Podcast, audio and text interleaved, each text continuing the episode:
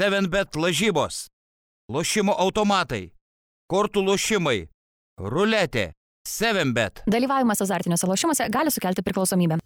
Želko, hu, Belgrad, what? Aš manau, kad visi kartu galim šitą sušukti vienbalsiai. Būkite pasveikinti! Panevežė Lietkabelis dovanoja mums nuostabų krepšinį. Savaitę po savaitės, mėnuo po mėnesio Europos taurėje. Su jumis žinoma NBO tinklalaidė. Aš supratau, kad aš lietuviškai kalbu garsiau negu angliškai ir mano balso tembras kiek pakyla. Bet netame esmė, ne apie tai susirinkom kalbėti, susirinkom kalbėti apie NBA krepšinį kartu su Mykolu Jankaičiu, su jumis Rokas Grajauskas.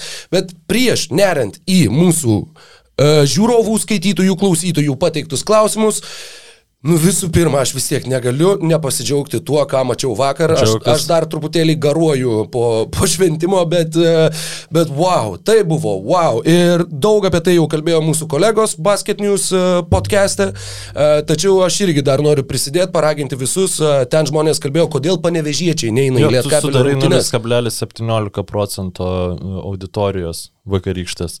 Mažiau, jeigu 1600 Ai, žmonių, nu, tai mažiau. mažiau. 0,16, aš galvoju, kad 1000. 0,16. Anyway, uh, ne, išeitų kitoks skaičius, bet... Uh, Sorry. Dabar jau subalamutnai mano aritmetinė sistema galvoje integruota ir me, meta erorus man. Bet... Uh, Sulaužiau Grajauską. žinai, ką norėjau pasakyti? Norėjau Ne. pasakyti, kad... Uh, aš suprantu tą piktinimąsi, kodėl panevežiečiai neina žiūrėti lietkabelio, bet tuo pačiu... Iš, aš 11 val. vakaro jau buvau Vilniui ir jau buvau namie, e, tiksliau ne namie, bet 11 val. vakaro jau buvau Vilniui. Nuvažiuoti, pažiūrėti Lietkabelio, tai yra nuostabi, nežinau, savaitės tokia praskaidrinimo pramoga. Jo, suprantu, kad yra žmonių su kitokiais darbo grafikais, kurie galbūt savo to negali leisti, bet tuo pačiu e, ne tik panevežys gali džiaugtis tuo, kaip žaidžia Lietkabelis ir ne tik panevežiečiai gali lankytis rungtynėse. Ir Atvažiuokit, atvažiuokit, ten žiauriai smagu, ten būna labai labai smagu. Uh, šalia mūsų sėdėjo vakar Rodionas Kurucas ir Alenas Mailagičius, man labai patiko tavo žinutė, kad wow, tai yra vienu metu wow ir meh. Tai visiškai, va, viena vertus, čia yra du normaliai minučių žaidė NBA žaidėjai, kita vertus, nu tai yra, nu, nu max daug potencialo turintys žmonės nebūtų visiškai atsimenami NBA jokiose krepšinio metraščiuose. Nu, tai tiesiog, Aš- žinai, aš kai tavo nekėjau- karjera, nu tas blogiausias atvejis, kai tu nei Europoje įsitvirtini normaliai, nei NBA tau pavyksta karjerą padaryti. Nu, nesakau, kad tai bus, bet e, dabar potencialo tam Jo, yra jie, visai jie, nemažai. jie būtų šiaip e, liūdnai ir atrodo statistiškai, žvelgiant į Partizano sezoną. E, teko šnekėti su Rodionu Kurucu, persimesti vienu sakiniu, jisai klausė, what the hell did he win, kai pataikė dar ir sirgalius iš aikštės vidurio e, ir jis laimėjo metų narystę sporto klube. E, Bet, va, prašau, aš esu šnekėjęs su buvusiu NBA krepšininku. Gerai. E, emocijų daug. E, Aš turiu teoriją, atsiprašau, dėl ko e, nu, tiek mažai žmonių uh, vaikšto rungtynes. Atsiprašau į, į panevežę, būtent atsiprašau už Jau tris kartus atsiprašei. Nu, nes aš nesuprantu, aš nesu matęs nei vienų lietkabelio rungtynių šį sezoną, and I'm- not even sorry for that. Bet aš atsiprašau, kad aš bandau čia kažką, žinai, argumentuoti, kai, nu, bet aš negaliu. Jau jeigu esu pokalbė, aš turiu jame dalyvauti pilnai.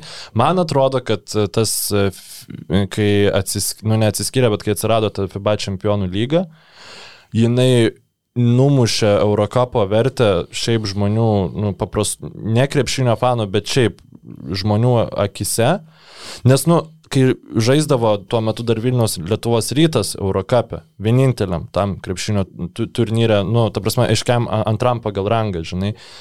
Ir tu žinodavai, kad tai yra antra Lietuvos komanda žaidžia antram Europos krepšinio turnyre ir nu, čia tipo yra real deal. O dabar, nu, tipo, kai rytas žaidžia kažkur, jie kaip ir antra Lietuvos komanda, bet žaidžia kažkokio čempionų lygui, Lietkabelis žaidžia Eurocapę, nu ir tiesiog nesusigeneruoja tiek e, hypo. Nors varžovai yra stiprus, e, komanda Lietkabelio yra gera, žinai, bet, vat, nu, ne, aš neįsivaizduoju, kad aš, pavyzdžiui, būčiau, nu, man būtų šitaip ne, neįdomu uh, nu, man sunku patikėti, kad man yra taip neįdomu, e, taip gerai sukomplektuotos komandos sėkmė antram pagal, nes tai vis dar yra antras pagal Mhm. galingumą turnyras e, Europoje, jau tiesiog tos žirklės dabar jau jos yra, nu, nenormalios, žinai, tarp Eurolygos ir Eurocapo.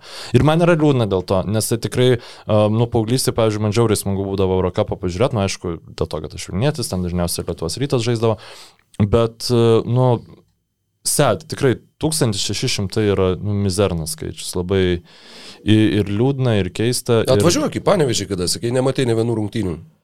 Jo, bet kad aš nenoriu. tai va, ir man yra, aš, ne, aš tipo nepritariu tam basketinių teiginiu, kad gėda panevežiečiams, nes, nu, aš kaip ir, kaip ir suprantu, nu, tiesiog, va, nu, ne, nesusigeneruoja tas hypas. Labai gaila, nes yra viskas daroma, ką gali daryti už sportinės pusės komanda, kad uh, būtų excitementas dėl jos žaidimo ir vat nėra jo, net kitame mieste. Tai yra, nu, depresyvu, žinai, šiek tiek, tikrai, tikrai liūdna. By the way, galvojau, kad šiaip, e, kai sakei, Obradov Želko Hu, tai, e, tai taip tą Hu su H, biški pasakyti, aš galvojau, kad dar dadėsi vieną raidę, bet nedadėjai. Tai, Ilo. Ilo. tai va. Po, po e, pasisakymų jo. O galima. šiandien mes atsakinėsim į patronų klausimus, kurių yra mažai šis O- iki. Bet patronai, jeigu niekas nebenaudoja Patreon, bet patronai vis dar yra. Nu, patronai, aš manau, kad taip, nes nu, tas Tas- pats žodis pat, e, patronų, kaip ir e, tas patronas, nu, Nu, jo, yra e, Žemaitijoje, jo, jo, atsimenu, kad kai gėda kalnus. Nu, vadinkim tai, vadinkim tą tai žodį kaip globėjas, kaip jie sako, bet, patronai. Jo. Žinoma, nu, kadangi pats platformos, žinai, pavadinimas yra kilęs iš to žodžio, tai, nu, žodžiu, bet taiklus pastebėjimas, aš apie šitą negalvojau tuo metu, plus basketinius vis dar yra Patreon dalis, e, tai nėra visai neteisingas, bet atsakinėsim į Q&A, darysim Q&A šiandien. Klausimų nėra daug, aš manau dėl suprantamų priežasčių, dabar kai taip varo Lietuvos krepšinio e, aktualijos, nu tikrai dabar intensyviausias laikotarpis, manau, Lietuvos krepšinė bent jau šį sezoną yra, žvelgiant iš klubinės perspektyvos, e, plus mes turime tragediją vykstančią e, visai netoli Lietuvos žmonės kenčiančius ir panašiai. Tai šiaip jau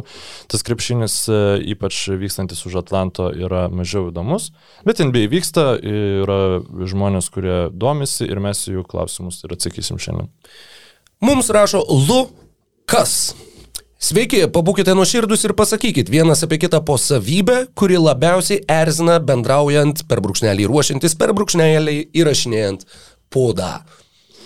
Nu, aš tai nenorėjau šito klausimo atsakinėti, aš jau turbūt mane pati labiausiai erzinanti mano savybė, tai yra, kad aš nu, ne, nemėgstu net, net ir, nu, ta prasme, gal ten juoko forma, kai į, kaip čia pasakyti, iš pokalbio natūraliai išeina, žinai, patraukti per dantį žmogų, Tai aš visada tą darau ir man tas labai patinka, bet e, taip, nu, va, tiesiog, žinai, susigalvoti savybę, kuri ten erzina ar panašiai, tai kažkaip toks purvinas biški jautiesi. Nu, bet e, e, Rokas labai gerai miega. Tai čia, kai važiuodavom į Kauną ir darydavom 11 ryto, pavyzdžiui, podcastus, tai būdavo labai, labai sunku, nes, nu, Tu man net žadintuvą padovanojai. Jo, aš e, buvo tada, kai aš buvau, nu, Max piktas ant tavęs ir gal, tada galvojau, nu gerai, kaip čia kūrybiškai apraučiant šitą problemą, tai galvojau, nu, nupirksiu žadintuvą, kuris, ble, neišsijungs, kol jo neišjungsi. Esu įsitikinęs, kad tu jo, nu, neiš, neišpakavai iš tas dėžutės. Išpakavau, jis turėjo dėžutę? Gal ir Nu, turėjo. taip, taip, taip. taip Jo, a, ne, turėjo ne, dėžutę. aš atsimenu jo, kad jį laikiau rankoje, bet... Nu, Ten čia turbūt reikėjo baterijos ir aš tiesiog net neįdėjau būti. Nu, čia buvo emocionalus labai. E, bet, bet sprendimas. labai gražus ir simboliškas gestas, jo. Kaip Ši- gerai, kad dabar e, galime šnekėtis Vilniuje ir šnekėtis vakarais. Mes nebedarytumėm šią NBO, jeigu, jeigu Kauna reiktų važinėti. Šitą aš, aš, sakęs, aš tikrai nebeįsivaizd, nebeįsivaizduoju, kaip tą būtų galima, žinai, su- sutalpinti. Tai, e, nu, džiauriai laiku viskas realiai gimė vaikas, iškart e, ir atsidarė šitą Vilnių, studiją Vilniui, nu ir tikrai laiko labai sutaupo. Tai dėl to labai džiaugiuosi. Mane tai e, anksčiau, sakyčiau, kad e, labiau erzindavo, dabar jau e, faktiškai to nebėra, bet anksčiau tai erzindavo, matai, aš esu Aš esu iš dalies prožektorius, bet aš esu daugiau veidrodis negu prožektorius. Aš labai perimu iš žmonių dalykus, perimu nuotaikas, perimu dar kažką ir jas Mhm. galiu dar labiau sustiprinti. Ir todėl, pavyzdžiui, jeigu, jeigu aš sėdžiu su e, labai drove mergaitė, kuri man patinka, tai tada du veidrodžiai pastatyti vienas prieš kitą, du žmonės įsitempę sėdi ir nei vienas nieko negali padaryti ir tiesiog negali pajudėti. E, ir iš to persėmimo e, mane anksčiau erzindavo tiesiog tavo ribotas pasitikėjimas savimi, a, kur nes daug iš tikrųjų laiko praėjo, kol tu kažkaip pasijutai savo rogėse šituose podcastuose, nes pradžioje visą laiką būdavo, kur oi, čia aš nežinau, čia kaip čia ką, bet čia, čia, čia. Ir tas, žinai, kai persiduodavo, tai sakau, ir būdavo toks, kur net pačiam irgi pradedi jausti tokį, kad kokį velnę mes čia darom, bet, bet dabar a, artėjant prie fucking šimto epizodų, kuriuos jau esam nufilmavę, šitas dalykas jau kaip ir išgaravo. Tai, Nu tai jo, čia labiau galiu pasidžiaugti, kad, vat, kad tikrai, kaip čia pasakyti, psichologiškai atrodo, kad tu daug geriau jautiesi tą darydamas ir, ir dėl to daug geriau jaučiuosi ir aš. Nu gal žinai, ilgainiui šiek tiek, nu, aš prisipažinsiu, kai mes pradėjom, žinai, rašinėti podcastus, aš visada mm, patikrindavau, žinai, kiek mū, pas mus tų paspaudimų yra, paskui patikrindavau, kiek, pavyzdžiui, pas atsarginius yra, žinai. Oho. Ir jeigu pas jūs būdavo dvigubai daugiau, o pas jūs dažnai, man atrodo, ir tebėra dvigubai daugiau, nu aš tikrai kažkaip taip išgyvendavau, nes nu, mes taip esam geresniai platformai. Žinai, ir darom tą turinį kažkaip ir, ir vis vien nu, nepadarom taip, kad jis pasiektų Bet- pakankamą bet jis- kiekį žmonių. Ir nėra orientuotas į Ne, tai. nu čia tai- yra grinai. Čia, čia, žinai, mes, mes grojam a... grunge garage šito, jie groja pop music, kurią groja per Power Hit Radio. Tai dėl Nu, šito, žinai, čia tokie mano pagrindinis yra, e, kaip čia pasakyti, dėl ko aš nesijausdavau užtikrintas, tai aš e, re, nu, kartais, žinai, pagalvodavau, kad Nu, jo, mes sakom, kad mes grojam tą garaž šit, žinai, bet ar mes tai, tai grojam pakankamai gerai, kad e, viešinti reikėtų šitą dalyką. Bet e, man atrodo, kad e, dabar aš jau taip nebesijaučiu, aš jaučiuosi komfortiškai. Žymiai didesnis procentas podcastų baigėsi, kad aš tikrai nu, jaučiuosi turiningai praleidęs laiką ir tai, nu, man atrodo, visas podcastų tas pagrindas turi būti, kad e, nu, tai, tai nėra radio laida, tai nėra e, TV laida. E, Šitus dalykus reikia skirti, nes, nu, pavyzdžiui, kai mano, nu, kai kažkas nors lygina podcastus su radio laidom ir mano motina dirba, pavyzdžiui, radio ir aš žinau, kiek, nu, ten ties, ties kiekvienu sakiniu, ties kiekvieną minutę eterio jis turi būti apgalvotas ir tai yra visiškai kito masto, visiškai kitos kokybės produktas, tebūnė jį uh, mažiau žmonių gali kartais vartoti, bet tai, nu, ten, nežinau, e, filė minijo steikus irgi mažiau žmonių valgo negu cheeseburgerius, bet tai, nu, nereiškia, kad, e, tipo, vienas maistas yra geresnis už kitą. Žodžiu, tai dabar aš tiesiog e, manau, kad va, tas e, kokybiškas pokalbis, e, jeigu man jis atrodo kokybiškas, reiškia, jis yra leistinas ir galbūt irgi kažkam bus įdomu. Ir va šitas mane ramina, o dėl to pas, pasitikėjimo savim, nu, tiesiog, kai tu turi Nu, aš kažkaip jo mokytas buvau, kad nu, niekad ne, nebūtų užtikrintam savo teisumu e, visose situacijose, nu ir tas kaip ir turi teigiamų savybių, Mhm. e, nu, tai tai lygiai taip pat ir neigiamų savybių turi, tai aš kažkaip, e, nu nemanau, kad pasikeisiu šitai vietai labai, žinai, ir, Bet, bet jau pasikeitė, žinok, jau pasikeitė. Nice. Kitas klausimas, kokį čia dabar, taip, kad, kad biški labiau link krepšinio, mažiau link asmeniškumo. Mm, davai gal tu dar kokį šauk, aš kažkaip dabar Ar užsikalbėjau. GSV jau PZDC? Ar Thompsono grįžimas išmušė komandą iš vėžių, ar čia labiau grino trūkumas, klausė Lukas Sabaliauskas. Nu, aš tai sakiau, kad e, pragmatiškiausiai teisingas sprendimas Golden State'ui būtų buvę pasiimti Kumingą Weizmaną, pridėti prie jų uh, Thompsono kontraktą ir padaryti e, gerus mainus šį sezoną. Aš sutinku su visais emociniais dalykais. Bet aš nemanau, kad dėl Thompsono e, pizdėts yra Golden State Warriors, e, tiesiog jiems šiauriai trūksta Dreymondo Grino, kuris yra e, vienas geriausių visų laikų gynybinių krepšininkų lygos istorijoje. Ta prasme, ir tikrai jisai polime irgi taip pat šitoj komandai Taip, jis yra ribotas krepšininkas polime, bet šita komanda yra pasiuta taip, kad uh, Dreymondas Grinas yra svarbus lopas laikantis uh, Golden State Warriors džinsus ir nu, jo trūksta dabar. Ir aš nenorėčiau, kad, ta prasme, man kažką gerai darant, apie mane, man komplimentą sakantis žmogus sakytų, kad aš esu svarbus lopas. nu, visa, visa laimė ar nelaimė, tikrai iki Dreymondo Grino nedais šitas komentaras, jo emocinės būklės tikrai nesugadins. Uh, bet, nu, nežinau, man Dreymondas Grinas, kai, vat, kiek mes čia tris, tris, trečius metus to darysim tą podcastą, nu, tai yra e, vienas reikšmingiausių e, pastarųjų šešių, septynių metų krepšininkų NBA lygoje, krepšinėje apskritai. Tai ir labai daug krepšininkų gavo per daug pinigų arba buvo pašaukti per aukštai dėl to, kad jie irgi yra žemi ir, ir e, aukšta ūgiai taip, nu, oksimoronas ir tipo, oi, va čia, bet jis gali būti Raimondas Grinas. Ne, ne, negali tavo per žemas e, krepšininkas neturintis metimo būti Raimondu Grinu, nes Raimondas Grinas yra one of a fucking kind. Jeigu visi galėtų būti Raimondais Grinais, tai jie visi ir būtų, žinai, nu, ta prasme, tikrai. Uh, Atsiminiau, kaip tu norėjai būti Ronaldinio, bet senelis neleido, neleido. nes jisai Ronaldinio. tai Keilebas Voniganas irgi norėjo būti Raimondu Grinu, bet jam fizika neleido. ir Raimondas Grinas sakė, ne, nes aš Raimondas Grinas.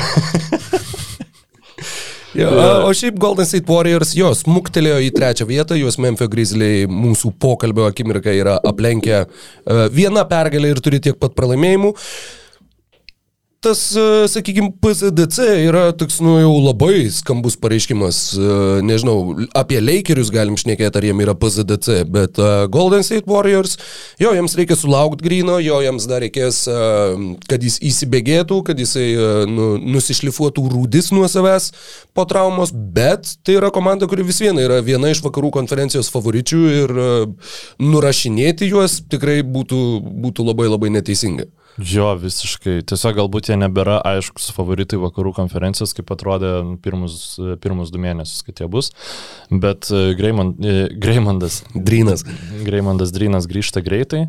Ir aš manau, kad e, jeigu viskas bus sveikata gerai iki playoffų, tai šita komanda uh, Gal netgi bus pagrindiniai favoritai išeiti iš, iš, nu, kaip aš ir sakiau, kad jie bus pagrindiniai favoritai išeiti iš vakarų, tai per savaitę mano nuomonė dar nepasikeitė. E, Weizmanas jau uh, turėtų sužaisti porą rungtynių galygoj artimiausiu metu. Uh, tai... Nereikia Weizmanui žaisti šitam sezonui. nu, tai aš tikrai ne, nemanau, kad jaunas uh, centras E, grįžęs, žinai, po, po, po traumas bus naudingas šitai, šitai komandai. Nusunkiai tą įsivaizduoju. Vargiai, vargiai, atkrintamosiose ypač, tačiau ką gali žinot, gal jisai visą šitą laiką, kol nežaidė, tiesiog Rio, nežinau, vaizdajuostės ir e, ten skaitė knygas apie krepšinį ar vorevą ir grįžt staiga gerokai pakėlė savo krepšinio intelektą ir daug mažiau plaukios aikštėje.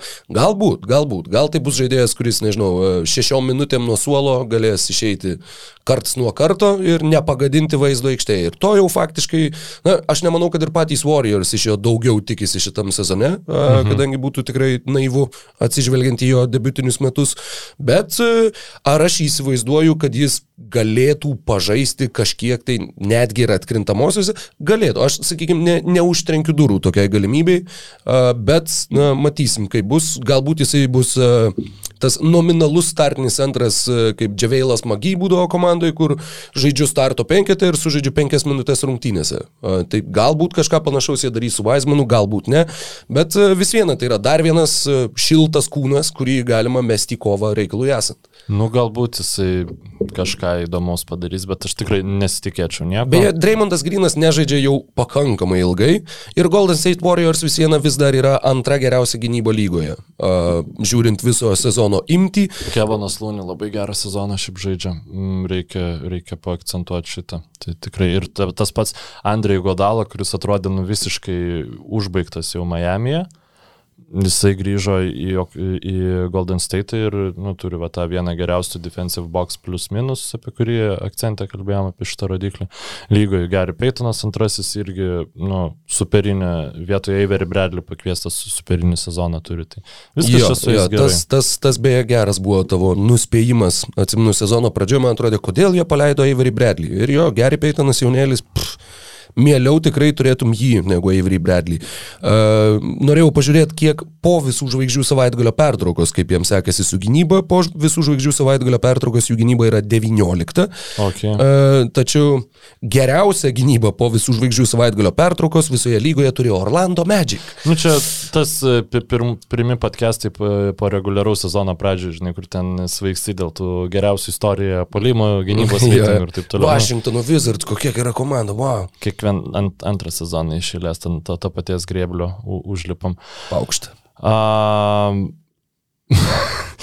Mindaugas Vesbergas klausė, aš nebuvau pastebėjęs šitą klausimą kažkaip, kaip manot, ar neteks Detroito valdžiai įsikišti ir nutraukti tą sėkmingą Pistons žaidimą?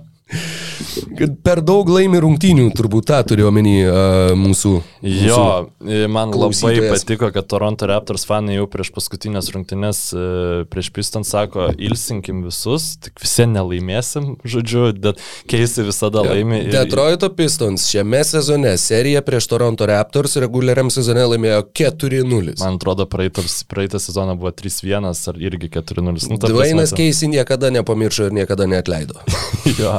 Ir šiaip, tas, pavyzdžiui, visiškai buvau pamiršęs, kad e, Marvinas Begley yra Pistonsas ir sakau, ten praeito podcast'o metu sakiau, kad e, Cunningamas, nu, jisai e, visiškai kol kas pateikina, pat, pa- pateisina savo pirmą e, šaukimą. Ir, nu, aš nežinau, nu, taip, aišku, Mobley fantastinis yra.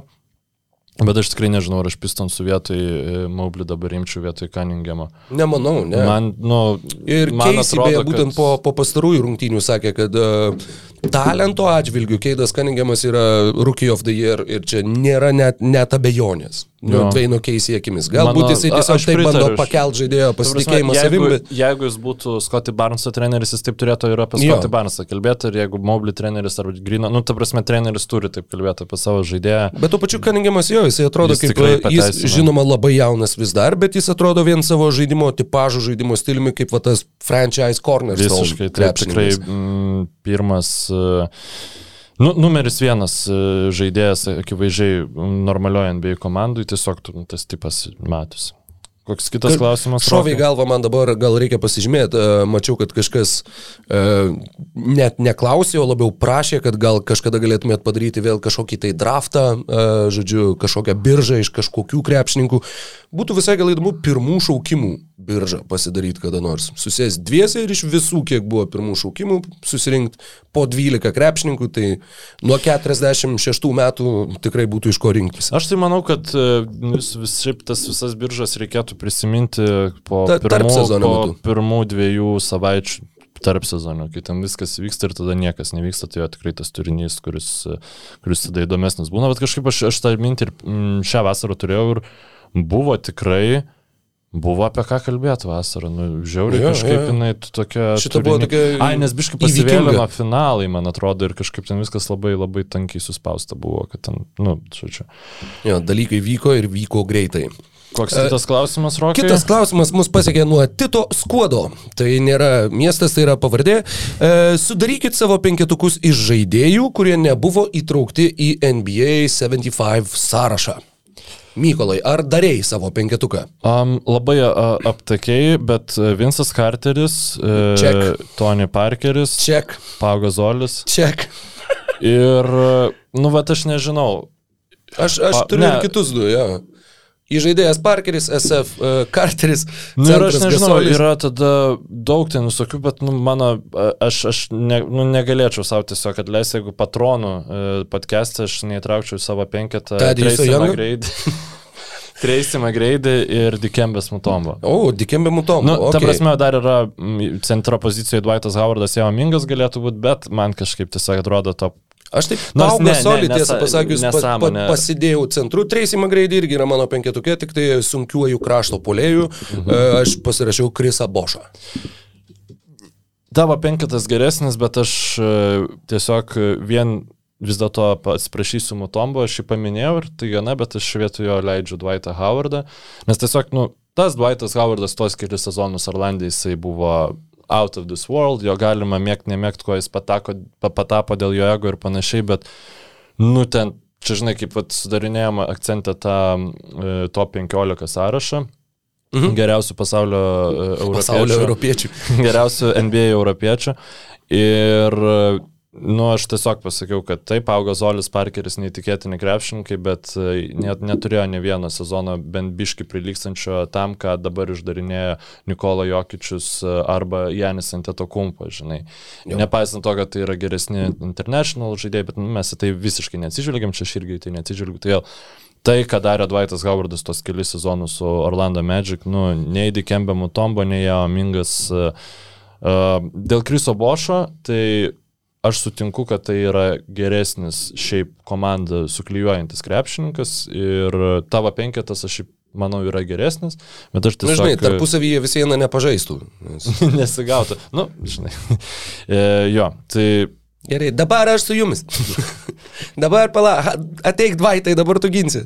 Jau. Tai dabar galim pereiti, kai, pakalbėjome apie tos e, europiečius ir e, Tomas Bartulevičius klausė, ar MVP yra Embido tylus, ar viskai čia two horse race tarp jo ir Jokičius. Tai aš manau, čia yra free horse race tarp, MVP, e, tarp Embido, Jokičius ir Janio. Nu, jeigu objektyviai žiūrint, jeigu žiūrint su naratyvo prieskoniais, tai vis vien tai yra, e, nu, Jokičius, mano nuomonė, turi daugiau argumentų MVP titulų negu Žuelis šį sezoną. Nu, tiesiog tai yra, nu, fenomenalus visiškai sezonas, taip ir Embido ir Janio yra, fen... tai, tai e, labai neblogas Hollingerio straipsnis The Athletic yra, nu, kur tai yra MVP Race of the Ages. Nes ir aš, nu, tikrai taip neprisimenu, vat, kad trys tokie lygiaverčiai MVP kandidatai ir stiprus MVP kandidatai. E, e Kawhi, Hardenas ir Westbrookas? Kai Westbrookas tapo MVP. Tada irgi buvo tas, kur nebuvo tokio vienbalsio a, jo, pasirinkimo, jo. kaip kad buvo vėliau kituose sezonuose. Nu, aš vis tik sakyčiau, kad nors nu, Kawhi Leonardas uh, turbūt, uh, jeigu žiūrėtų į, į playoffus, tai yra geresnis krepšininkas negu mm, turbūt net ir Janis ant to kumpo. Bet uh, aš manau, kad kalbant apie reguliarius sezonus, būtent kuriuos dabar turi šitie krepšininkai, nu, vis dėlto šitie trys žmonės turi geresnius sezonus negu tie trys žmonės. Jo, jo, turėjo. bet turiu minėję apie, mm, kaip čia pasakyti, kompetityvumą. Taip, taip, taip, tai, kompetityvumo klausimas tai yra labai panašu, bet jo. tai tiesiog tri, yra, trijų žirgų lenktynės. Nu, bet kuris krepšininkas per pastarosius, žinai, ten nu, labai daug sezonų turėdamas e, tokią statistiką labai ramiai pasimtų tą MVP titulą. Žinai, jo, jo. Nu, tikrai uh, Iš tikro šitas reguliarus sezonas, nors mane maksimum numušė visas tas e, laikotarpis su COVID, visais, e, Dieve, atrodo, taip seniai buvo, nu, bet tas mėnesis, kai iš esmės žaidė random bičiai NBA krepšinį. Kieferis Saiksas. Ir jis, bet šitas sezonas reguliarus yra gal net geriausias nuo 2016 e, sezono. 15-16 turbūt. Nu, kai buvo Warrior 73-9, kai buvo Westbrooko, ne, ne, Westbrooko paskui buvo, bet kai, nu, tiesiog, jo, Sparsai jo, buvo ir, ir, ir, ir taip toliau, ir taip toliau. Ir uh, Hawksai su 60 pergalių. Nu, ten buvo, ten buvo žiauriai geras. Aš galvoju, ne, pala, tas buvo 14-15, man atrodo. Bet, bet jo. Jo, šitas tikrai e, ir intrigos atžvilgių, ir tuo pačiu MVP diskusijos atžvilgių, na, daug ko yra šiais metais, daug ką galima sekti, stebėti, ir vertinti. Tai mes ir klausimą turim, uh, dabar bandau aš jį surasti. Uh, Mindaugas Vesbergas klausė, tikiuosi žiūrėjote visus top rytų komandų pasidraskimus šį savaitgalį ir vienos vakarų. Uh, jei taip, kokios išvados ar Miami parodė pavyzdį visiems, kaip dvigubinant, trigubinant galima visiškai išmušti ambidą iš ritmo, Ar Tatumas vėl nesugriūs atėjus lemiamams kovoms, klausia, ar Brooklyn is a done team. Ar daug pasako faktas, kad Sans be dviejų svarbiausių žaidėjų ir vieno puikaus rotacijos krepšininko kovojo visas rungtynės iš esmės e, pilno pajėgumo baksais. Ir šiaip pastebėjimas atrodo, jog po All-Star Game visos komandos jungia aukštesnę pavarą. Žaidimas gynybai labai suintensyvėjo ir apskritai kito lygio koncentracija. Daug tokių klausimų, bet iš esmės šitą klausimą gali, galima sukoncentruoti vieną sakinį. NBA krepšinis yra įdomus šiuo metu. Žodžiu, ir jeigu taip papunkčiui, per daug gal neužsitęsant, nes daugiau mažiau apkalbėtų daug temų yra praeitose podcastuose, tai Taip, tas Joelio Embido dylinimas su e, dviguba gynyba yra dalykas, kuris yra svarbus, bet reikia nepamiršti, kad Joelio Embido yra šiaip sudėtinga dylint, bent jau anksčiau istoriškai būdavo sudėtinga dylint su gerai besiginančiais tais aukštaugiais. Nu, atsiminkim seriją prieš Marką Gazolį, kaip jam sunku buvo. Istoriškai Joelis Embidas labai prastai žaidžia prieš Alą Horfordą.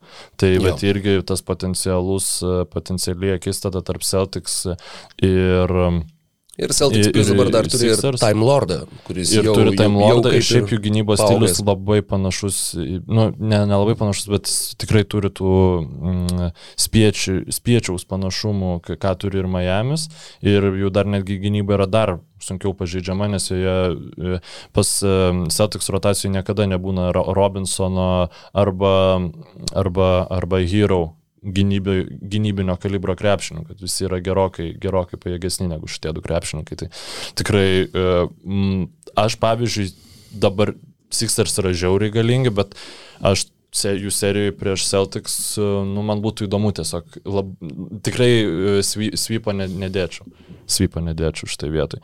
E, Viena dar dalis, vienas iš punktų šitam klausime buvo, ar daug pasako faktas, kad Sans be dviejų svarbiausių ir vieno puikaus rotacijos žaidėjo kovoja visas rungtynės su iš esmės beveik full strength bucks. Ne. Taip. Nes komandos... taip ne. taip, taip, ne. E, jo, komandos, kurios žaidžia be lyderių, jos dažnai žaidžia, mm, kaip čia pasakyti, nebūtinai aukščiau savo galimybių ribos, bet uh, tiesiog su susitelkimu, kai visi žaidėjai žino, kad jie turi kompensuoti kažkokią netikti. Ir lygiai taip pat komandos, kurios žaidžia tuo tini žaist prieš Phoenixą, kuris be bukerio, be polo, nu tu sakyk, ką nori, tu būk koks tu nori psichologiškai profesionalus, vis viena tau susitelkti pilnai ir šimtų procentų žaist. Kiek tu gali geriausiai, bus daug sunkiau negu kad tuo atveju, jeigu Polas ir Bukeris būtų toje komandoje. Tad ne, šitas nemanau, kad, kad sako daug. Aš ne. dar iš kitos pusės noriu tiesiog pridėti, kad tai nereiškia, žinai, kad grįžus Polui ir Bukeriui tiesiog jie prisidės 40 taškų mhm. Mm prie skoršyto, žinai, nu ne, neveikia taip dalykai, tiesiog kiti, mažiai už, kiti žaidėjai užimdami mažesnės rolės, nu jie ir e, atliks mažiau. Taip, Sans yra gili komanda, bet mes puikiai žinom, kad visuose Visose NBA finaluose, visose mm, konferencijų finaluose rotacijų būna nu max 8, ten 9 krepšininkas geriausiu atveju ir ta, tie geriausi penketai išsifiltruoja galiausiai ir nieko sans nelaimės, jeigu tose geriausiose penketuose nebus bukerio ir polo. Nu, ta prasme, tai yra labai akivaizdu, turi du elitinius visiškai gynėjus. Nesuvokiama, kaip Krisas Polas vis dar žaidžia tokiam lygiui, bet uh, tikrai, tikrai mm, Sansam reikia džiaugtis, kad jie turi gilę sudėti. Taip, ta gili sudėtis reiškia, kad galbūt iškritus ten, žinai, Crowderiui, Bridžasui ar kažkam ta komanda nesugrius, žinai, nes uh, jinai turi gilę rotaciją, bet iš esmės, jeigu Polas arba Bukeris nežais, tai Jiem jau reikia, kad ir kitose komandose kažkas nežaistų, kad e, laimėtų. Šiandien Cameronas Peinas surinko 18 taškų, 6 reboundus, 12 asistų. Ne, Cameronas Peinas tai yra, mm, nežinau, čia toks atradimas Ansuje, jis ne, netiesiogiai, bet jis išgelbėjo tą komandą, nes jo tas prasprogimas burbulė, jisai visiškai pakeitė komandos trajektoriją, nes jinai tiesiog jis iš visiškai už minimumą atmesto žaidėjo, jie pasidarė gerą rotacinį krepšininką, kuris leido jam rodyti gerus rezultatus, kur, kur tie rezultatai leido paskui jam pasiimti Krisapolą. Ne, prieš tai pasiėmė Krisapolą, nu, bet tai tikrai buvo... Po to, po to, po, po to. Jo, jo, jo, 8-0 burbulė, neišėjo į playoffus ir tada pasiėmė Polą. Taip, taip. Ir tokie maži dalykai, bet Cameronas Peinas dabar jis tiesiog yra labai geras kontraktas, geras backup gynėjas, bet jo tas atsiradimas iš niekur.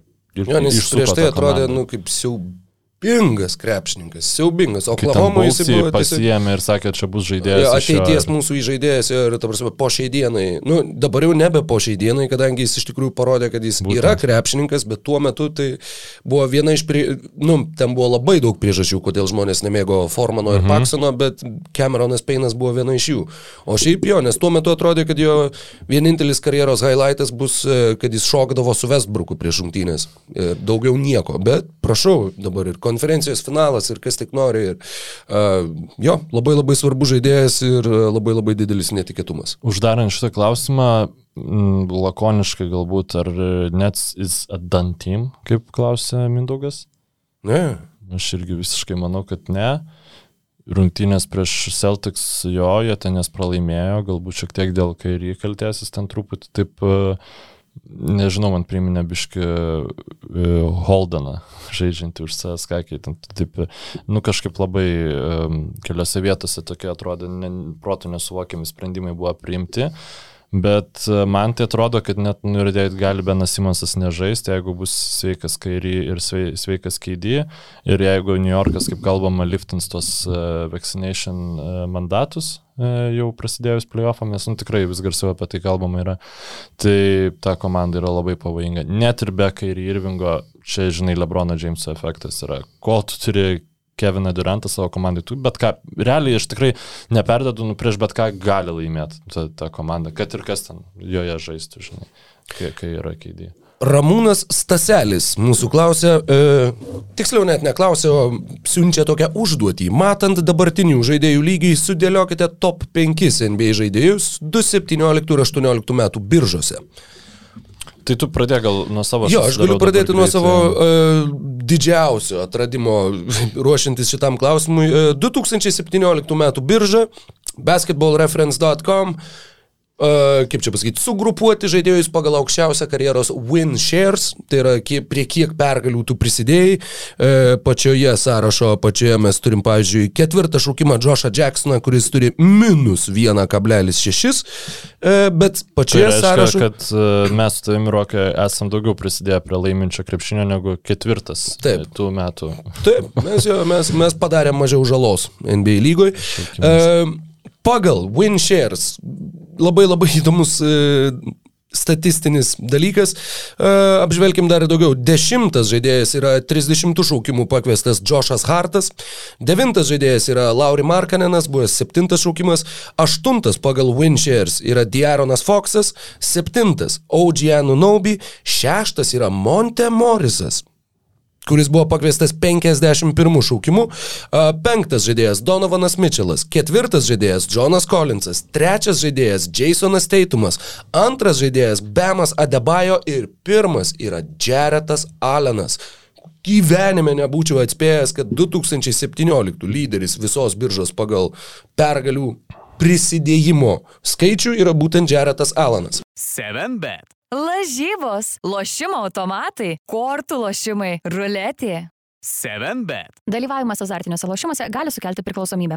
Žinok, be šansų, kad aš būčiau, pavyzdžiui, atspėjęs, tikrai būtum labai gerai mane sugėdinęs, nes būčiau eilės valandą sėdėti ir tiesiog būčiau, nu...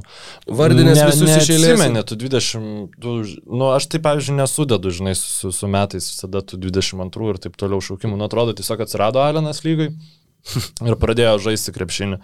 Žinai, kaip ir Vadmonte Morisas, pavyzdžiui.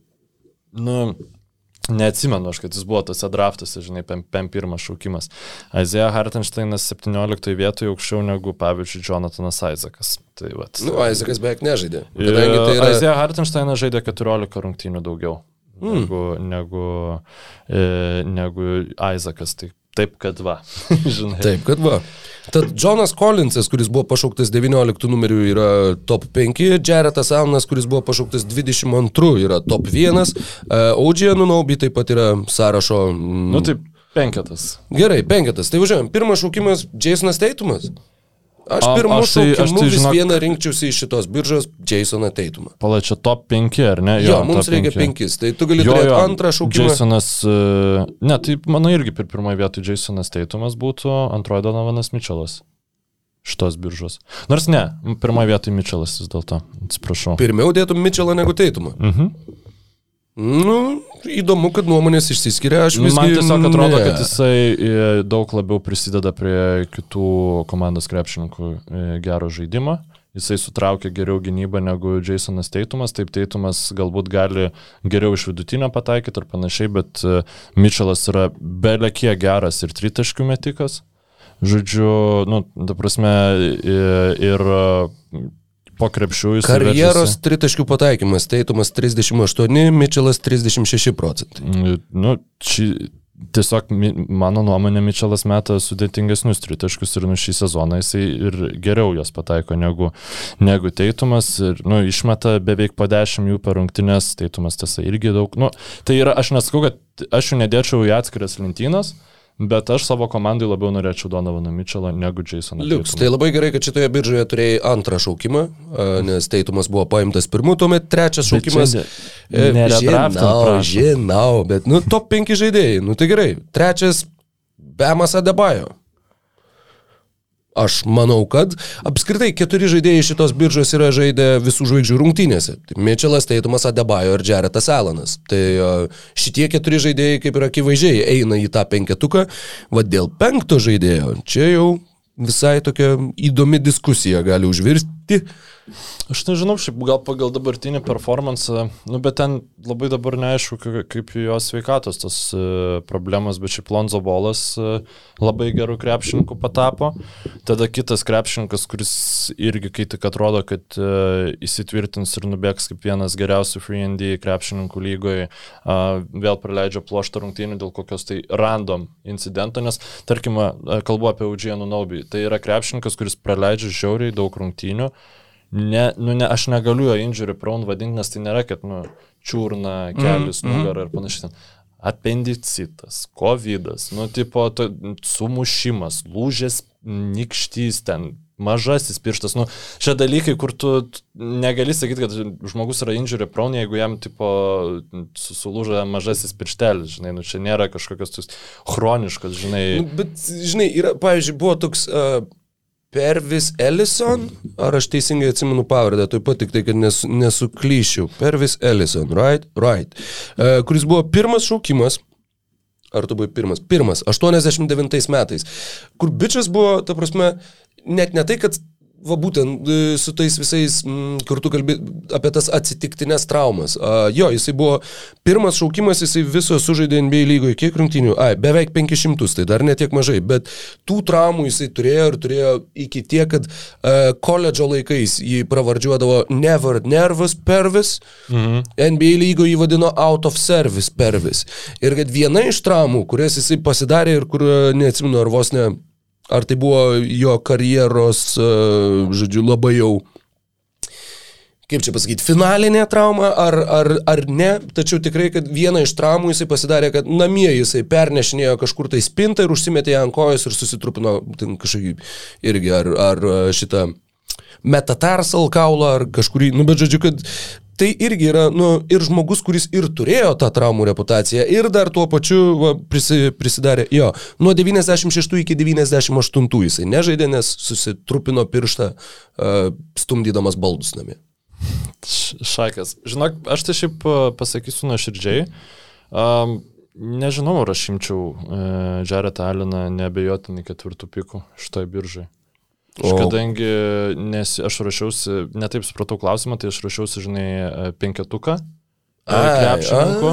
Tai aš nu, net negalvojau labai ilgai, nes yra Bemas Adebajo ir, žinai, Jareto Aleno kaip ir nelabai reikia. Bet, nu, man visiems, sakau, tas pats Bismako Bijombo pavyzdys, žinai, kad tu kai turi gerą gynėją, e, gerą kurėją komandai, e, žymiai prastesnis centras gali, nu, tau deliverint 9-5 procentus to, ką nu, labai didelį kontraktą turintis centras. Tai jeigu draftant žaidėją ir galvojant, kad jis žaidžia tavo komandai visą gyvenimą ir tu jam turėsi paskui duoti daug pinigų ir panašiai ir panašiai, Tai nes Jaretui Allenui, nu, tu dabar jau turėtų mokėti daugiau negu jiems sumokėjo Clevelando Cavaliers. Nes jeigu vertinant pagal dabartinį kontraktą, tai čia, nu, labai geras dylas yra, bet...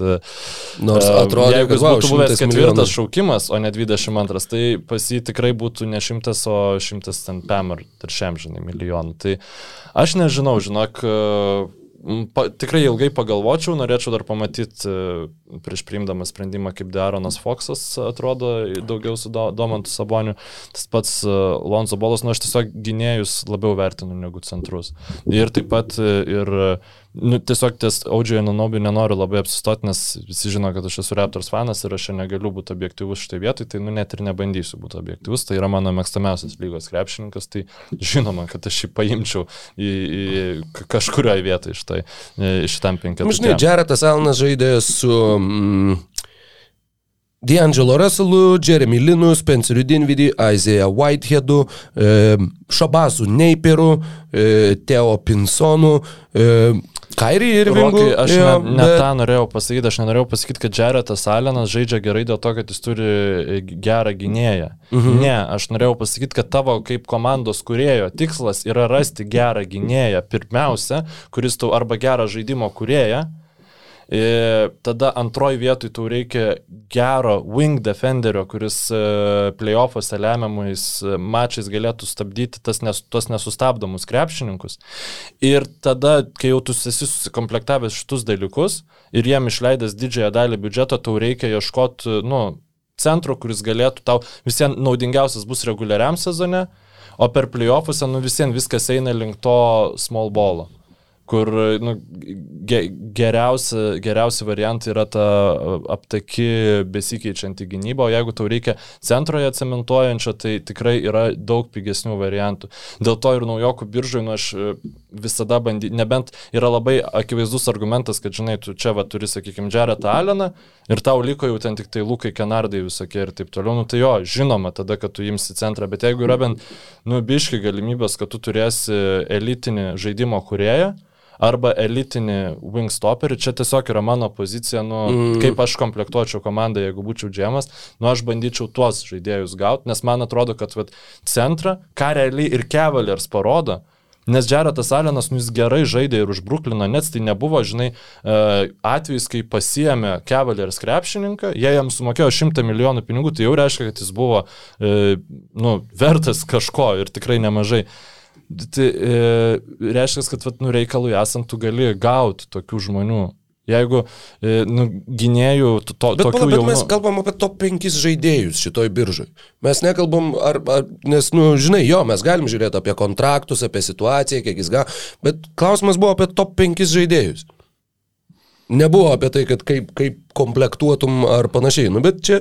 Nu, gerai, aš suprantu, reikia penkto žaidėjo. E, top penkis žaidėjus aš suprantu, kaip, kad e, kuriuos, nu šitam klausimui būtent, kuriuos tu šauktum pirmų, antrų, trečių, ketvirtų arba penktų šaukimų naujokų biržai.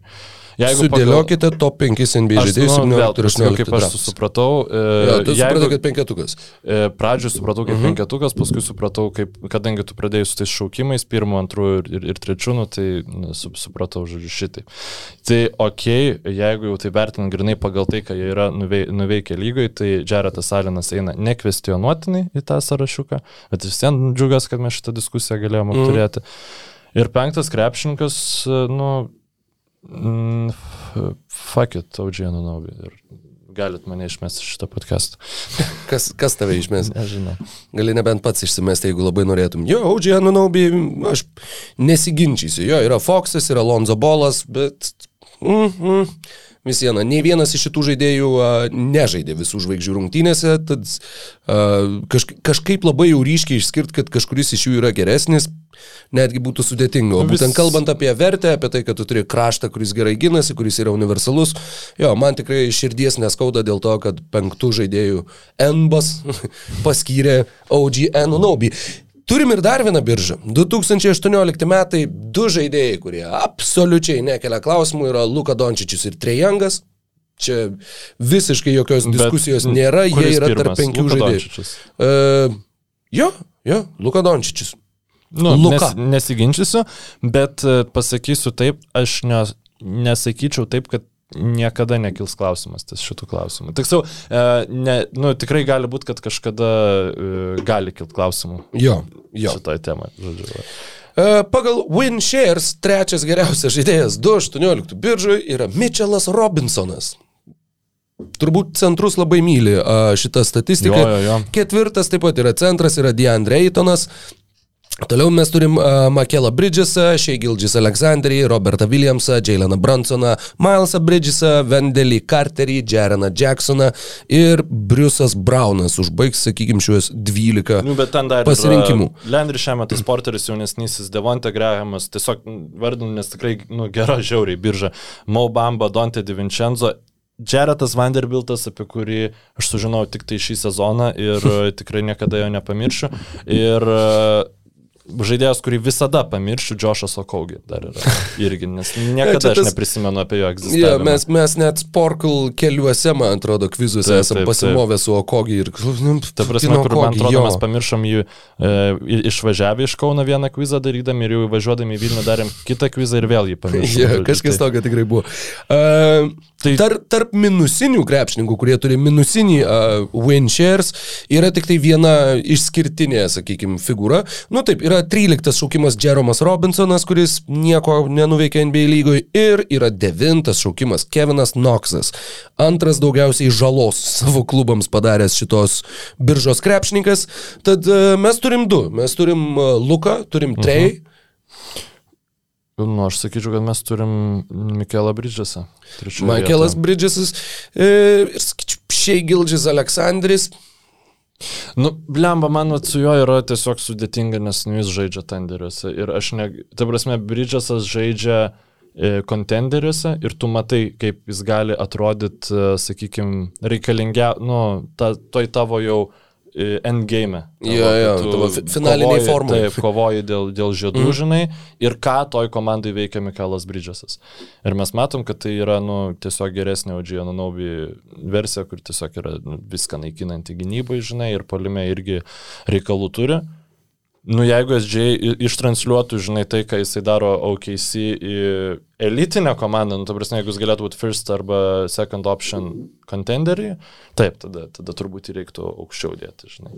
Įdomu, kiek jau kitame sezone Oklahoma bus pasiryžę žaisti dėl pergalių? Manau, kad ne. Aš, aš tai labai tikiu tuo, kad lengviausia yra prisirinkti pikų, daug sunkiau yra priiminėti sprendimus Ir aš nemanau, kad būtų teisinga jam žaisti lygiai perga, nu, jau win now tą mhm. režimą, mhm. bet jam tikrai reikėtų kažkaip jau strateguoti, kaip materializuoti e, kaupiamus esatus, o ne tiesiog daryti tai, ką Hinki dabar daro, tai dabartinį šaukimą, presti, atsiprašau, e, dabartinį šaukimą iškeisti į tolimesnį šaukimą, kad vėliau reikėtų mm. priimti tą sprendimą ir panašiai. Nu, aš, aš manau, kad dabar dar tai yra suprantama, bet jau šiek tiek turėtų nervinti OKC fanus.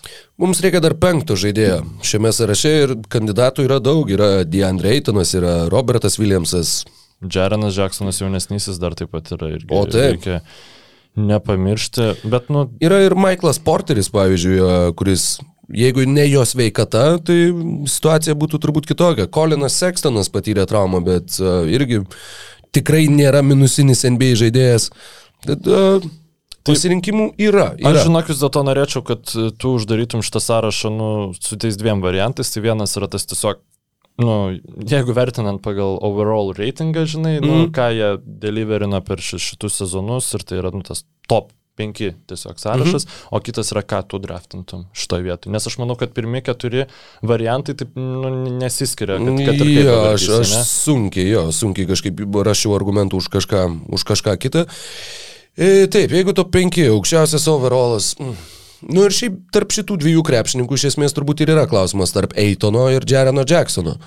Mm, nu dar yra Milesas Bridgesas, kuris irgi šiaip e, kelia savo akcijas labai intensyviai. Yra, yra, bet šiai dienai. Nu, aš tai, e, jeigu top 5 sąrašą uždaryčiau su Eitonu, bet draftinčiau Jareną Jacksoną jaunesnį ir net nemirktelėjęs iš tikrųjų. Labai labai geras atsakymas ir e, labai malonu turėti e, decisive figūrą prie šito stalo. Uh, Dwightas Howardas ar Anthony Davisas turėtų būti NBA top 25. Mes nepaminėjome Anthony Daviso tose penketukose. Šitą, o gal nei vienas nėra vertas. Tai taip, ir lal... top 75. Jo, bet, top jo. 75, ne 25. Tai apie Howardą kaip ir pakalbėjom.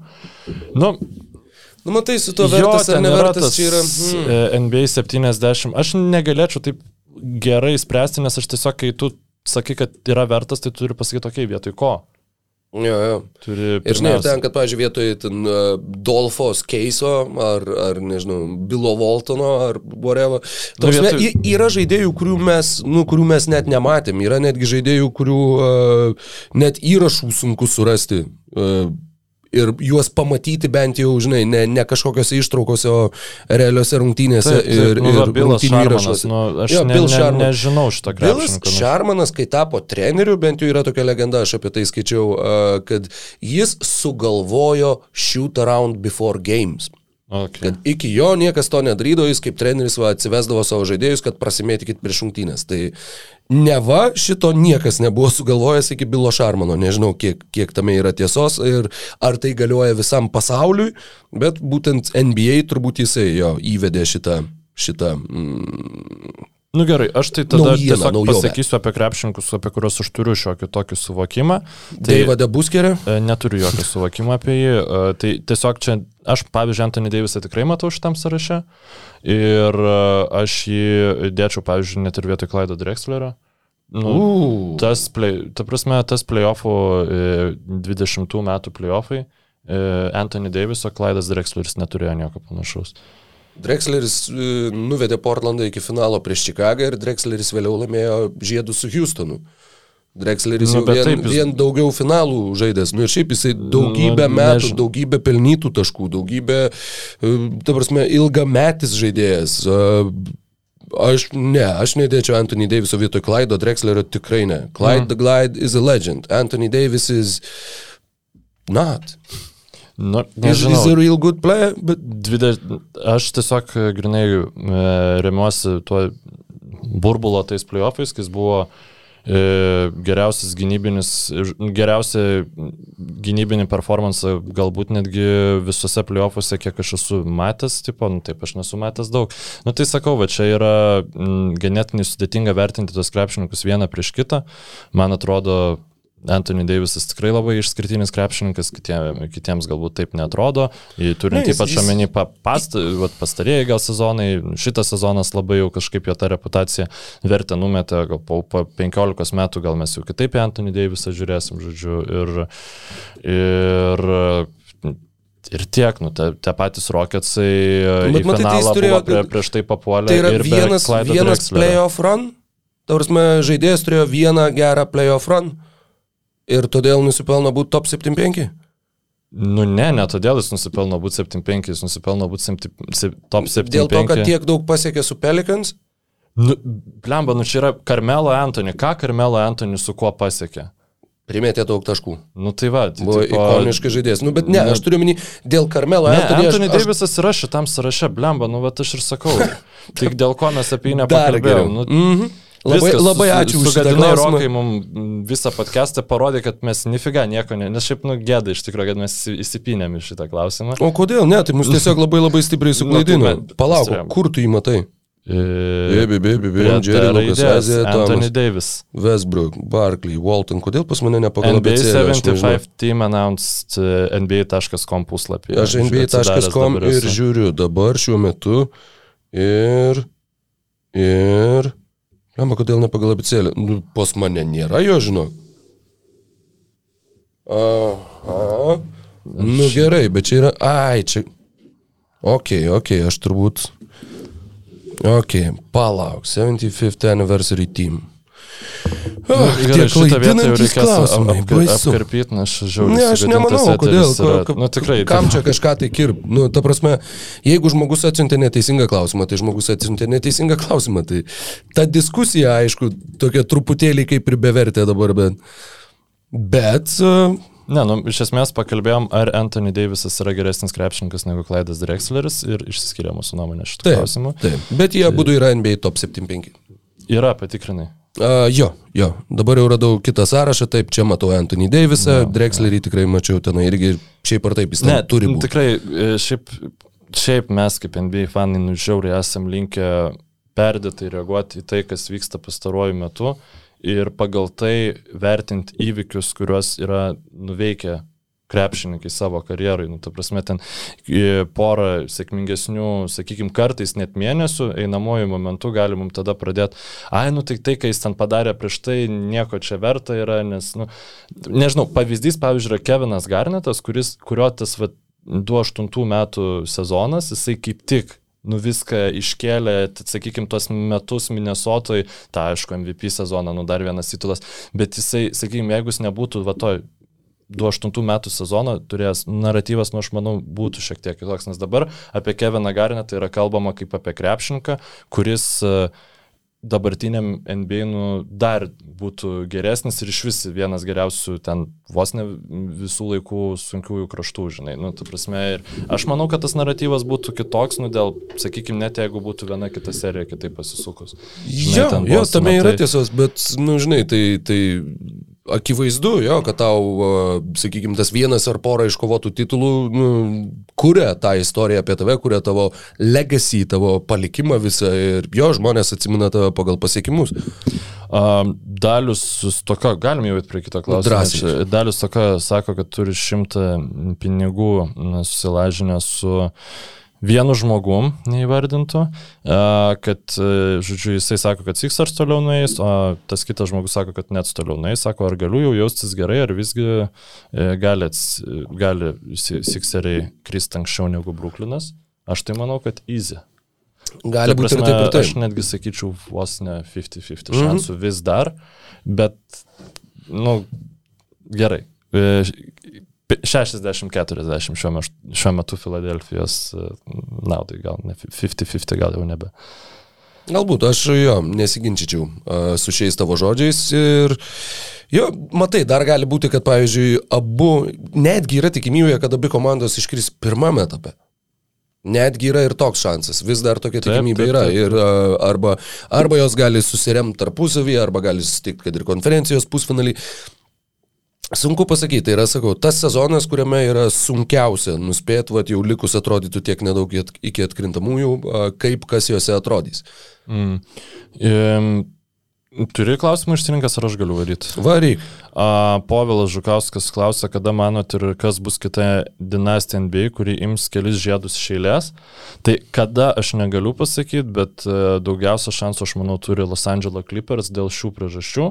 Tai yra komanda su geriausių, nu, ta prasme, geriausiai įmanomų savininkų, tai yra turinčių daug pinigų, neaiškinančių, ką daryti ir visada e, galinčių išleisti. Ir tiesiog šiuo panašu samdančių gerus ir protingus žmonės į, į front office. Tai nu, Los Angeles Clippers turi viską, ko reikia gerai franšizai, nu, ta prasme, laimėti kelis žiedus šėlės. Aš net nežinau, ar tai bus su, su dabartiniu Kawhi Leonardo ir Paulo Džordžo projektu, tikėtina, kad ne, bet, nu, nėra dabar nei vienos komandos, kuri būtų e, tikėtina, kad laimės kelis žiedus šėlės. Nu, ta prasme, per daug drąsų būtų sakyti, nu, gal Milwaukee'is, bet aš skeptiškai esu nusteikęs, nu, nes ta dinastija šiaip yra labai mažai šansų, nu, kad atsiras, žinai, va, tokia komanda kaip Golden State Warriors atsirado, nes tiesiog sukrito kortas, žinai, bet ja. Lakers, nu tiesiog e, ten reikia su šaknim traukti žmonės visus priimančius sprendimus, pradedant nuo mm. žmonių, kurie priima sprendimus, kokius žmonės im, kurie priima sprendimus.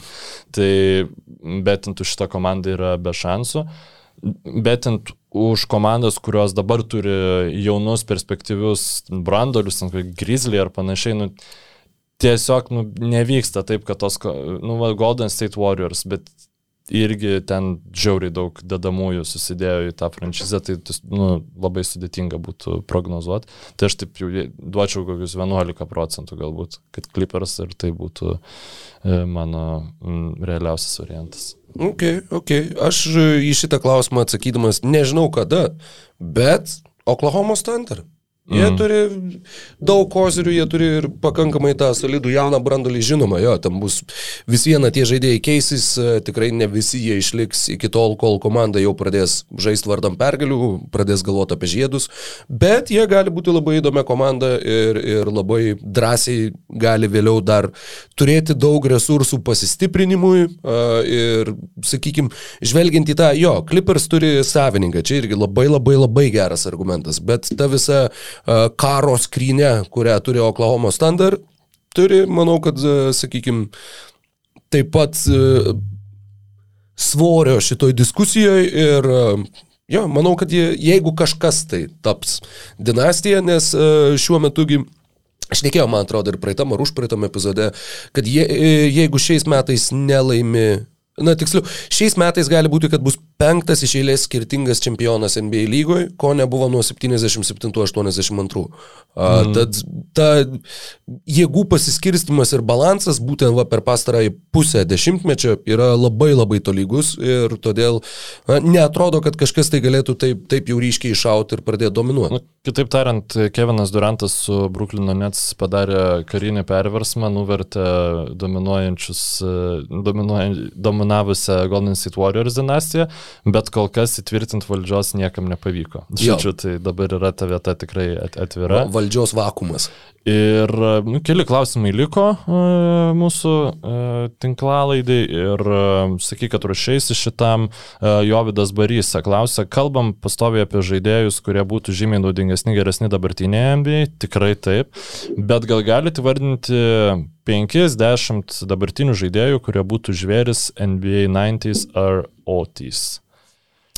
Aš užsirašiau kelias pavardės, e, nes, žinai, šiaip tai sunku, nu, pagal ką tu atmatuotum, kas va būtent to eroj būtų žibėjęs. Pagal... Pirmas žmogus, kurį aš užsirašiau, yra Dželilas Okoforas. Nes... Bet tu galvoji apie prastus krepšininkus, kurie būtų ne, nebūtinai, geresni, nebūtinai. negu dabar yra, nes uh, Jo, naudingesni, geresni dabartiniai NBA jo, negu yra. Dželilas Okaforas, jo, jisai dabar iš esmės nėra NBA krepšininkas. Jo, jis tai turbūt ir net ne iš esmės, o apskritai nėra, ar ne? Dželilas neatsimenu, kad būtų kažkokio... Nėra ne, jisai žaidžia už Zhejiang Lions of the Chinese Basketball Association. Uh, dar yra keli žaidėjai, kuriuos užsirašiau. Evanas Mobley, Man tiesiog atrodo, kad jo va, tas fiziškumas ir viskas, mm. nu jis toks garneto tipožo faktiškai žaidėjas mm -hmm. ir jis tais laikais, manau, kad irgi būtų, būtų buvęs labai naudingas. Aš manau, kaip, nu, kad Garnetas dabar jis būtų jo. naudingesnis negu tada buvo. Jo, ir aš manau, bet, nu, kad Moblitas pats Nu, žodžiu, aš ne, nesutinku jo, su šitu, bet galbūt, argumentas yra pakankamai jo, svarus. Bet, tavars, norėčiau jį pamatyti galbūt toje eroje, gal taip reikėtų sakyti. Uh, Jo, kiti trys žaidėjai yra, yra labai geri ir šiuo metu. Ir aš nežinau, kiek jie būtų geresni, bet uh, Jimmy Butleris yra tiesiog nu, to mentaliteto. Jisai turi va tą tokį tough-minded, physical 90s, 80s NBA playstyle. Uh, todėl manau, kad jisai to erų irgi neprapultų. Aš nežinau, ar jisai būtų geresnis, bet jis bent jau galėtų joje žaisti. Dežonte Murray, kaip aukštas ir fiziškas įžaidėjas, kuris irgi būtų tais laikais, manau, kad uh, labai labai žibėjęs. Uh, ir dar užsirašiau Krisą Polą, kuris, nu, žinoma, būtų geras bet kur. Aš manau, netgi 60s tu jį įdėk, kai nebuvo tritaškio ir jis vis tiek būtų geras. 20 metais Krisas Polas būtų... Bus vis dar pačioj. geras. Bus vis dar geras. Mm, gerai, galvojam. Uh, tai aš manau, Rudy Goberas būtų labiau vertinamas galbūt. Ir, ir geresnis, nu tiesiog, prasme, nes Rudigo Bero pagrindinis minusas yra, kad playoffuose e, jį išnaudoja, nu, išsitempiant ties tritiškų. Nu, tiesiog seniau taip ne, ne, ne, nedarydavo su centrais. Jiem leisdavo pagarbiai, ta prasme, Rudigo Beras būtų ten stumdėsi su šakais, žinai, visokiais ir cementavęs tą baudos aikštelę, jis tikrai būtų, e, nu, naudingesnis, gal netgi taip pasakyti, nu, tai prasme ir naudingesnis, ir geriau vertinamas krepšininkas. Jonas Valančiūnas, nu, tikrai esu įstikinęs, kad ir tai, kuo jis galėjo, ir, nu, kuo jis galėjo tapti, ir tai, kuo jis dabar tapo, nu, tiesiog tai puikiai išsitransliuotų į NBA į, į tą 90-ųjų arba netgi gal labiau ankstyvų 2000-ųjų krepšinių, kur nu tie high scoring centrai nu, tikrai būdavo labai vertinami, aš ten įsivaizduoju, nu, netgi toj pačioj, žinai, bet vidutiniokiai kokioje komandoje ir panašiai, bet tiesiog, tai būtų nekvestionuojamai, žinai, all-star kalibro krepšininkas su tiesiog sa, savo, savo talentu, kurį jisai turi. Ir uh, dar čia kažką buvau sugalvojęs, iškrito man iš galvos, nu, man visada centrai. Žuelis Embidas, man atrodo, irgi mm, e, tiesiog būtų jau bent vieną. Centrų eroj centrai žaistų geriau. Jo. Taip, tas... bet tiesiog tai, e, šitie centrai, nu, Žuelis, Embidas, Nikola Jokičius, nu, jie yra ypatingi, jie yra neįliniai, nu, nenuvertinkim Hebra šitą. Kai aš girdžiu, kad Janis ant to kumpo būtų pradingęs ten 90-osiuose, nu, čia yra, nu, absurdas. Čia, čia, čia, čia Čarlzas Auklį, seniai, Čarlzas Auklį sakė, kad Janis in the 90s būtų kilęs nuo suolo. Taip, ir taip, kur taip. šitie nu, Naudanks labai teisingai sakė, kur sakė, nu, jis turbūt kokią knygą pristatinėja ar kažką, nu, kad tu tiesiog turi pasakyti nu, kažką Čarlzas Čia la, la, Lavaro bolo technika. dabar tikrai nežaistų. būtų išleidžiamas kaip... Vargiai, nu, vargiai. Bet sakau, jo, čia yra lavaro technika, kur pasakyk kuo didesnę nesąmonę, kad kuo, žmo, kuo daugiau žmonių atkreiptų dėmesį ir to, tuo būdu gausi tuo daugiau dėmesio. Aš manau, kad Karmelo Antony, jeigu būtų gimęs kokiais trim, keturiais metais anksčiau, gal, gal penkiais jisai nebūtų iššokęs į tą erą, kai būtų ekspozinė jo minusus. Labiau, nu jam iš esmės reikėjo užbaigti karjerą prieš biški Hebra išanalizuojant aktyviau, kad tai yra neefektyvus krepšininkas labai didelę dalim atveju. Tai, bet ne, nežinau, ar jis būtų buvęs naudingesnis, žinai, dėl to. E, Ir nežinau, nu, Kari būtų toks pat transformational, kaip ir buvo realiai, kai jis atėjo į vienokį krepšinį, jis jau paliko jį kitokiu. E, Kawai, Leonardas, Kevinas Durantas, man atrodo, vienodai geri bet kokiam dešimtmetį būtų. Nu, tai tiesiog jau. yra tokio lygio krepšininkai. Lebronas Džeimsas irgi lygiai taip pat. Raulis netų būtų daug geresnis. Raulius neturėjo būti geresnis. Čia juokingiausia, kad turbūt jo, bet. Jo, ne, ne aš žinai, tiesiog manau, žinai, kad dar, bendrai, pavyzdžiui, žaidėjai... talento lygis yra pakilęs. Jo, bet tarkim, į žaidėjai, kurie neturi stabilaus metimo iš toli, 90s arba 2000s, jie būtų savo vietoje. Benas prasme... Simonsas. Jo, o jo. Nors kita vertus, nu ten, bet gal net nebūtų taip užsiakcentavę tie mental, nu, mentality dalykai, nes aibė krepšininkų nepataikydavo tų baudų, mm -hmm. aibė krepšininkų nemesdavo net ne, ne tritaškų jokių mm -hmm. ir mhm. panašiai, tai manau, kad Benas Simonsas jo. Na, aš sakau, tie žaidėjai, kurie, pavyzdžiui, neturi tritaškio metimų arba tie, kurie yra labai labai fiziški. Manau, kad tie, vat, jo, būtų, ir, žinai, būtų ką aš dar norėčiau atsisukti laiko mašiną ir su, su ją nukeliauti kokius 8-5 ir panašiai ir į tą laiko mašiną pasimti Jamesą Hardeną ir Kairį Irvingą. Ir tiesiog, nu, man atrodo, jie tuose 90-ais Irvingas su savo nesąmonėm, su savo sveginiu, to Irvingas 90-ais būtų, nu, kultinis herojus. Aš pilnai, nu, tiesiog tai yra... Bet jis faktiškai ir dabar yra. Ir dabar, nu, jo, bet dabar taip, nu, truputį Man atrodo, jis dabar krenta iš konteksto, o 90-aisiais būtų buvęs kontekstu. jeigu taip galėčiau pasakyti, nu tiesiog. Tikrai galėtum ir jau pasakyti, ir man labai patiko. Tai va, galbūt tada Tai šitų klausimų tiek, nu ir e, nežinau, nori kabinti tą... Ai, žinau, gal ne. Kažkaip tai tokia, tokia gera nuotaika, kad kam čia dabar pyktis su žmonėmis, e, kažkada prie tos temos, nežinau, gal ir prieisim, gal ne, nes, nu, bičias vis viena, nie, nieko visiškai, ta prasme, ne, nežinau, nesuprato, nereagavo. Tai aš gal tada tiesiog atsakysiu nereaguoja. ir Gerai. ten Justinas klausė, kiek jau kartų girdėjau, kad tu daug dirbi, Mykolai, ir neturi laiko, tai toks ir klausimas, ką tu dirbi ir kom užsiemi. Tai nesu visais kitais baskinius žmonėms viskas kaip ir aišku, tai Nu, aš atsiprašau, jeigu susidarė toks įspūdis, kad aš čia pastoviai, tiksliau, jeigu aš pastoviai bedavojaus, kad aš čia neturiu laiko ir taip toliau, ne, nenoriu aš taip sakyti, nes man tai yra nu, labiausiai mane erzinantis pas, nu, pasiteisinimas, kad, o aš čia kažko nedarau, nes aš esu žiauriai užsiemęs, esu man ten jogo ir panašiai, žinai. Nu, tipo, e, ne, aš tiesiog nesugebu at, aš, mano gyvenime man reikia laiko, kai aš tiesiog sėdžiu, nežinau, dvi valandas nieko produktyvaus nenuveikiu ir man tai yra gerai, žinai. Ir dėl tų, dėl tų tokių savo pomėgių aš nu, negaliu žiūrėti galbūt tiek NBA krepšinio, kiek, kiek norėtųsi ir ten negaliu gal keltis naktim po to kaip nors efficiently pamėgoti ir panašiai, o dirbu tai aš tiesiog, nu, e, esu prekybos salono vadovas, nu, tipo, ir visiškai, nu, 21 amžiaus vidutinis darbas, tai prasme, nu, tai yra nieko absoliučiai ypatingo, žinai, kas reikalautų kažkokių didelių labai jėgos resursų, nu, tiesiog man pilno etato darbo, e, nu, jau šitie. Tu dirbi tėčių, kamo. Čia... Ne, nu, čia Tai nu, labai daug, labai daug žmonių turi vaikų. Pasakyti. Čia, čia irgi, kai žmonės susireikšmina, žinai, kad aš čia turiu vaiką, aš negaliu to, to ir ano daryti, nu tai gerai, nu tai visi, tu, tu prasme, labai daug žmonių turi vaikų. Tai, ne visi. Ne, nu, ne visi, bet tipo, e, laiko, jeigu tu nori jo, tai atsiranda dalykam visokiam. Tiesiog, nu, mano kažkaip prioritetai taip sukrenta, žinai. Tai va tiek. Tai va tiek. O šiaip tai jo, ten, kaip čia dabar pasakyti, yra, žinai, yra elementarios kultūros dalykas, a, sako žmonės, kad negalima moterų klausti, kiek joms metų ir negalima vyrų klausti, kiek jie uždirba. A, tai aš gal nesiplėsiu per daug ir tiesiog a, paliksiu tai čia. Tai ačiū visiems klausiusiam, nežinau, žinau. Ir ačiū kiek... visiems klausiusiems. Jo, nežinau, kiek čia laiko mes iškalbėjome, bet... Uh, iškalbėjome Ta, reikia, kas buvo įdomiausia. Reikia važiuoti namo. Geras podcastas buvo, man patiko. Jo, man reikia į jam session varyti. Iki šį vakarą. jau jau, jau nuovargis, čia jau nuovargis. Prakaito per daug jau man. Gerai, man visiems, visiems viso ko geriausio, pačios geriausios savaitės, laikykitės laimingai pirmyn lietuvišką krepšinį. Čiau.